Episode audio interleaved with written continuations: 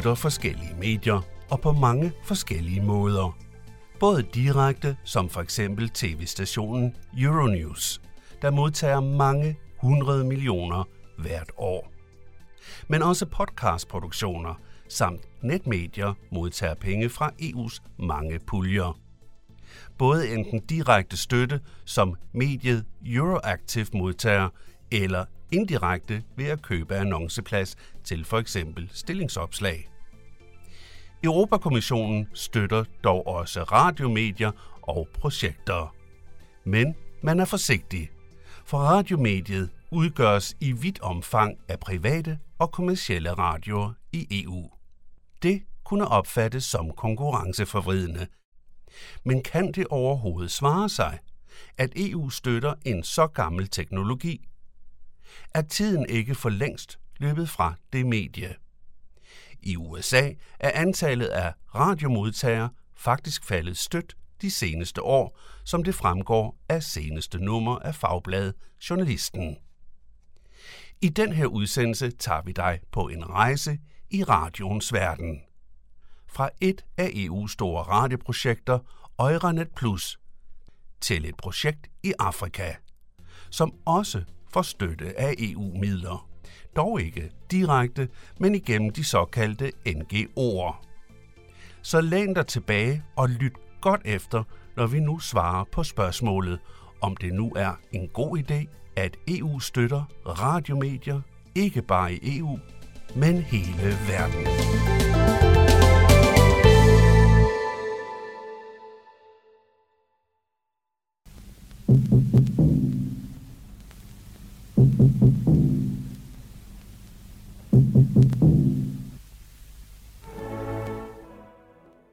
Det er et gammelt medie, vi i den her udsendelse skal beskæftige os med. Ikke så gammelt som Danmarks ældste form for medier, nemlig runesten, men alligevel. Det var den kroatisk fødte Nikola Tesla, der blandt mange ting opfandt det, der sidenhen blev til radioen.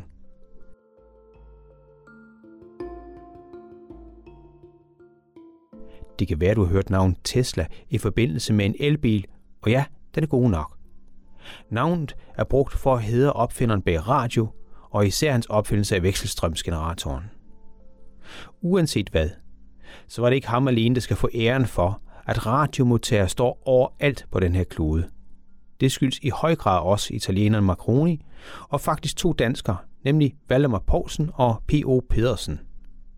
I 1902 blev det første forsøg gennemført, og allerede i 1904 blev de første radiosymfoniske bølger, som det hed dengang, sendt ud i æderen. Det lød, ja, ikke helt så godt, som vi i dag er vant til.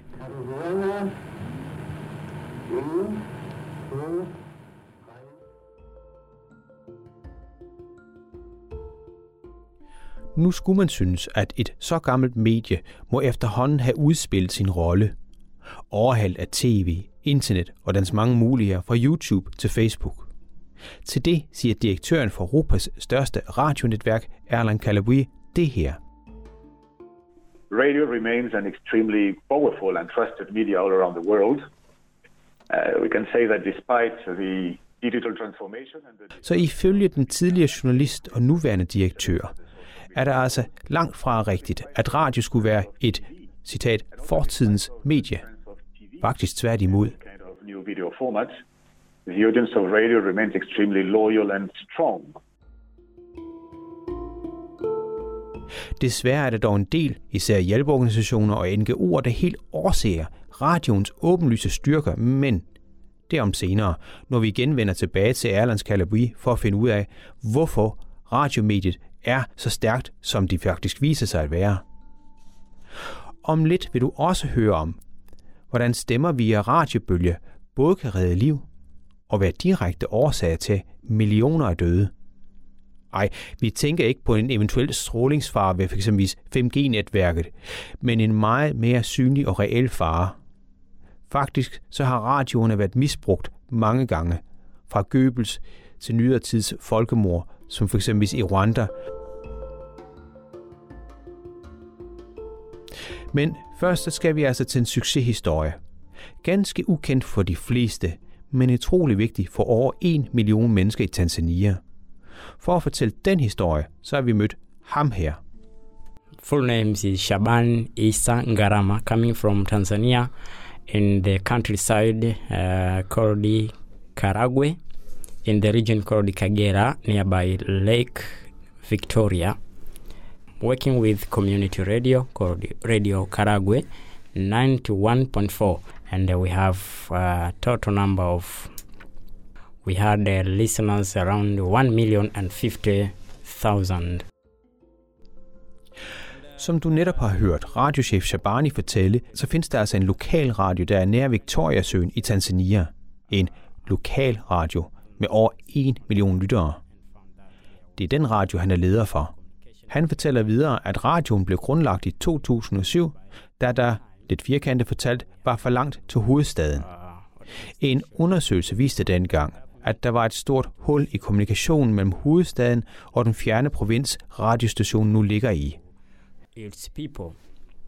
It was very far from the Regeringens egen radio kunne simpelthen ikke høre så langt væk, og befolkningen nær Victoriasøen manglede en national radio. De var nødt til at lytte til nabolandenes radiokanaler, eksempelvis radiostationer fra Uganda og Rwanda.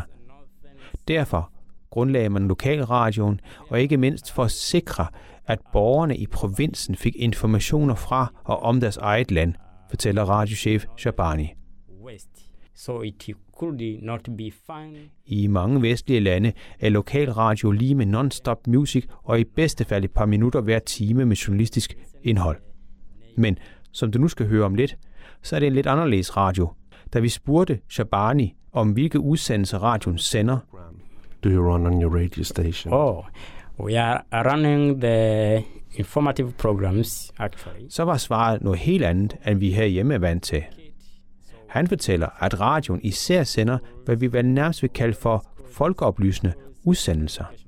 Altså informationer om, hvornår en bestemt afgrøde skal plantes eller høstes. Bønderne kan da ringe ind til stationen og stille spørgsmål. Men radioen dækker også sundhedsspørgsmål, hvordan bestemte sygdomme kan undgås, informationer om prævention og for at forhindre både uønsket graviditet og HIV-smitte.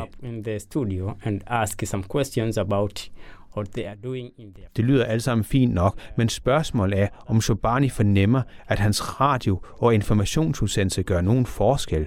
Til det svarer han, not only to feel uh, we can see of course we, we, we do go to the listeners and uh, uh, our radio station have uh, the people who are listening our station som radiochefen for Tanzania fortæller her, så er det ikke bare en mavefornemmelse. Han kan direkte se, at radioen gør en forskel. Både i de tilbagemeldinger, de på daglig basis får i de programmer, hvor lytterne kan ringe ind, og så igennem lytteranalyser, lokalradioen laver for at løje stemningen hos de over 1 million lyttere. Derudover så viser regeringens egne analyser, at der sker fremskridt på både sundheds- og uddannelsesområdet. one of us can go and share the views from their meeting Flere kender til, hvad der sker i landet. Landmændene er bedre til at dyrke deres landbrug. Ja, listen er lang. Og så har radiostationen også hjulpet en lang række håbefulde musikere på vej til at kunne leve af deres musik. Netop musikområdet er i kæmpe vækst i flere afrikanske lande, det er blandt ikke mindst Tanzania.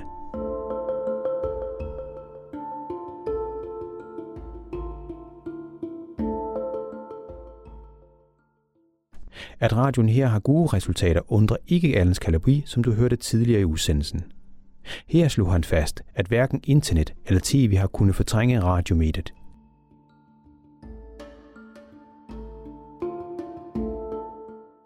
Nu er det vist tid til at få en forklaring på, hvorfor et så gammelt medie som lydfortællinger faktisk er i vækst. Ikke bare i Afrika, men i stort set alle lande. For selvom radiolytning i sin direkte form er en smule tilbagegang i Danmark, så er forbruget af lydmediet faktisk i vækst. Altså, det regnestykke, der ser nogenlunde sådan her ud. Klassisk radiolytning plus direkte streaming af radiosendelse plus podcast af radiosendelse. Sammenlagt viser det regnestykke en fin årlig vækst. Og det er ikke bare i Danmark. CEO Alan Calabi forklarer det sådan her fra en telefon i Paris. Uh, I, I think that we can explain that for uh, We can explain that long-lasting success of radio for diverse reasons. First, we can talk about the power of voice. I think that radio brings, above all, with its listeners, Som du hører radiodirektøren fra radionetværket Øjernet Plus forklare, så kan radions langvarige succes forklares med flere faktorer. uh, Dels den intimitet, en stemme i sig selv giver. Stemmer knytter et stærkt bånd til lytterne. the power of voice. Det andet er manglen på billeder. Umiddelbart skulle man synes, at det ikke er godt, men det aktiverer fantasien og forestillingsevnen hos lytterne, og dermed med til at fange og fastholde lytterne. And let's say what we could call the ubiquity of radio. Og så er det selve radioens mobilitet, som det så flot hedder. Radio er det eneste medie, du kan bruge, uanset næsten hvad du laver. Om du så er på arbejde, sidder i en bil, løber en tur eller står under bruseren, så er det muligt at lytte til en radio. Working, running, or taking a shower. And of course, and a very important factor, notably in Africa, the low cost and the accessibility of radio. As compared to other media, radio is cheap to produce, cheap to consume. Radio is very accessible everywhere on the planet. Og ikke mindst, når det gælder mange steder i Afrika, har radioen yderligere den fordel, at det er relativt billigt at producere. Langt de fleste har råd til en radio, da den slags skal købes meget billigt. Og så er det muligt at lytte radio, selv når der ingen strøm er. Som bekendt kan de fleste radio udstyres med billige batterier, som i øvrigt giver rigtig mange timers lyttetid.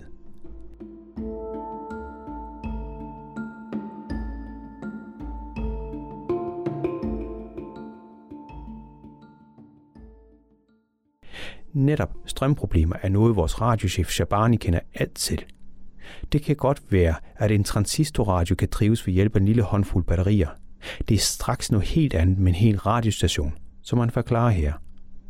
So there was a time whereby when the electricity goes off, the radio was off. But we have uh, Som du kan høre Shabani fortælle her, så slukkede radiostationen deres udsendelse, når der var endnu et af de ret almindelige strømsvigt, de såkaldte blackouts. En generator blev indkøbt, men dels er brændstof til tider en mangelvare, og dels får radioen ikke nogen penge fra staten, kun især lytterbidrag, så pengene var små.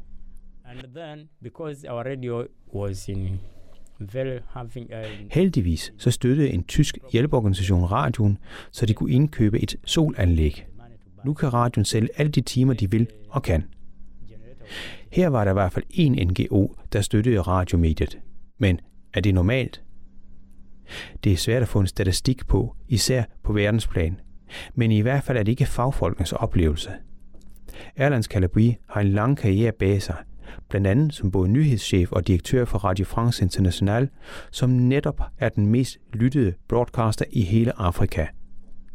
Da jeg spørger Erlands Calabri, om han mener, at hjælpeorganisationer, der ønsker at bidrage med oplysninger, har glemt radiomediet, så svarer han prompte det her. Yes, it's forgotten, and uh, this is probably a, a, a pity because when you look at all the recent surveys, you can see that radio is the, the most trusted media. If we not only talk about Africa, but, about Erlands Calabri slår altså fast, at radio er overset og glemt af mange nødhjælps- og andre hjælpeorganisationer. Det ærger ham, da alle studier viser, at radiomediet simpelthen er det medie, som borgerne har mest tillid til. Det viser, som nævnt, alle undersøgelser. Han nævner både en Eurobarometer-undersøgelse og en EBU-undersøgelse. Så det med radiobølger er altså ikke bare en billig måde at nå ud til verden på. Det er også en metode, der har den største effekt. Simpelthen fordi lytterne har tillid til mediet. Eller i hvert fald mere tillid end til andre medier, som f.eks. Facebook, TV eller endda aviser which is certainly linked also to the. Det er netop i erkendelse af den styrke radiometeret har, at Frankrig og ofte andre tidligere kolonimagter har besluttet sig for at sende radioudsendelser til et internationalt publikum. BBC som den største af dem, efterfulgt af Radio France International, RFI i daglig tale. 40 millioner lytter har RFI alene i Afrika. Så radiomediet er altså meget magtfuldt. En magt, der i vores eksempel har betydet, at lytterne har fået vigtige informationer. Om det så er gode råd til, hvordan man driver et landbrug, eller de er kampen mod HIV.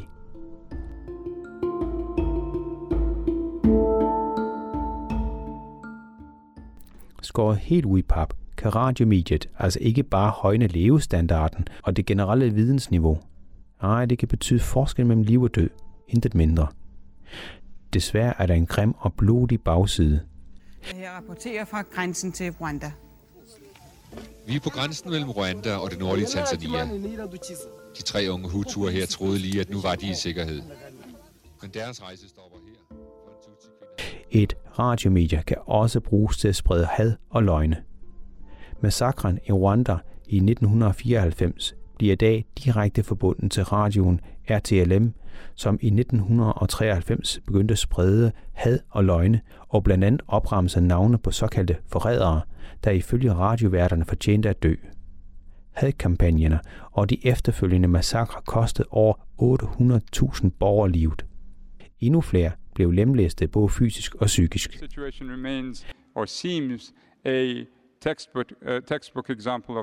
Erlands Kalabui er enig. Radioens styrke kan misbruge. Uh, of, of course, um, the beauty of radio can be diverted when the power of speech and voice, as we were saying, turns into hate speech and transforms radio into hate radio. We all have uh, particularly tremendous memories of the role played by uh, the Radio de Mille Collines in Rwanda uh, back in 1993 during the genocide against the Tutsis. And even today, there are unfortunately still many examples of hate speech on radio in all continents. Even Også han nævner eksempel med Rwanda. Men han slår fast, at den slags radio også eksisterer i dag overalt. For eksempel i USA, hvor radiostationer nær den meksikanske grænse spreder had og løgne om flygtninge og immigranter.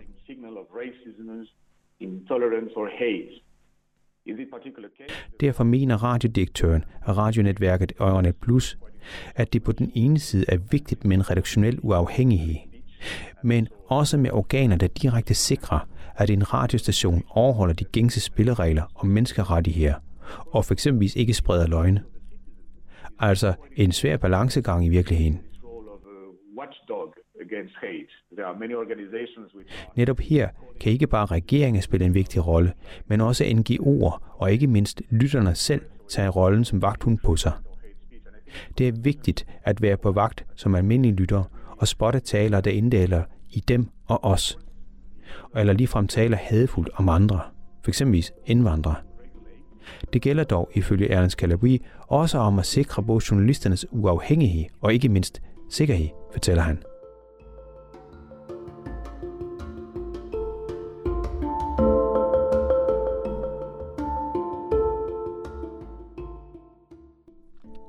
Den tidligere formand for Dansk Journalistforbund og nuværende formand af den europæiske sammenslutning af journalister, Mogens Blikker Bjergård, er enig. Radio er et magtfuldt medie, der kan misbruges. Derfor gælder det om at opbygge stærkere institutioner, og at alle lyttere lærer at være på vagt, udvikle en kritisk sans, og at journalisterne skal beskyttes. At det er farligt at være journalist i mange tredje verdens lande, eller i lande som Tyrkiet og Rusland, er vist ikke nogen hemmelighed men ikke kun i udemokratiske lande. En kendt kvindelig journalist fra EU-landet Malta, Daphne Galicia, blev f.eks. dræbt af en bilbombe forleden. Hun var med til at afsløre de såkaldte Panama-papirer, som sendte chokbølger igennem hele verden, og ikke mindst afslørede, hvordan også danske banker hjalp deres kunder med at anbringe millioner i skattely. Men at det er farligt at være journalist, ja, det er naturligvis en helt anden historie. Her til allersidst vil vi give dig et kendt eksempel på, at verdens største internationale radio, BBC, også engang havde danskerne som deres målgruppe, og at udsendelser havde indflydelse på historiens gang, der dengang næsten ikke kan overdrives. I dette øjeblik meddeles det, at Montgomery har oplyst, at de tyske tropper i Holland, Nordvesttyskland og i Danmark har overgivet sig. Her London, vi gentager. Montgomery har i dette øjeblik meddelt, at de tyske tropper i Holland, Nordvesttyskland og Danmark Det radiobudskab skabte i hvert fald glæde, som kan mærkes af de fleste den dag i dag. Budskabet om, at Danmark er der var fri. Det har de danske radioer så været lige siden. Det er så op til os at sørge for, at det forbliver sådan.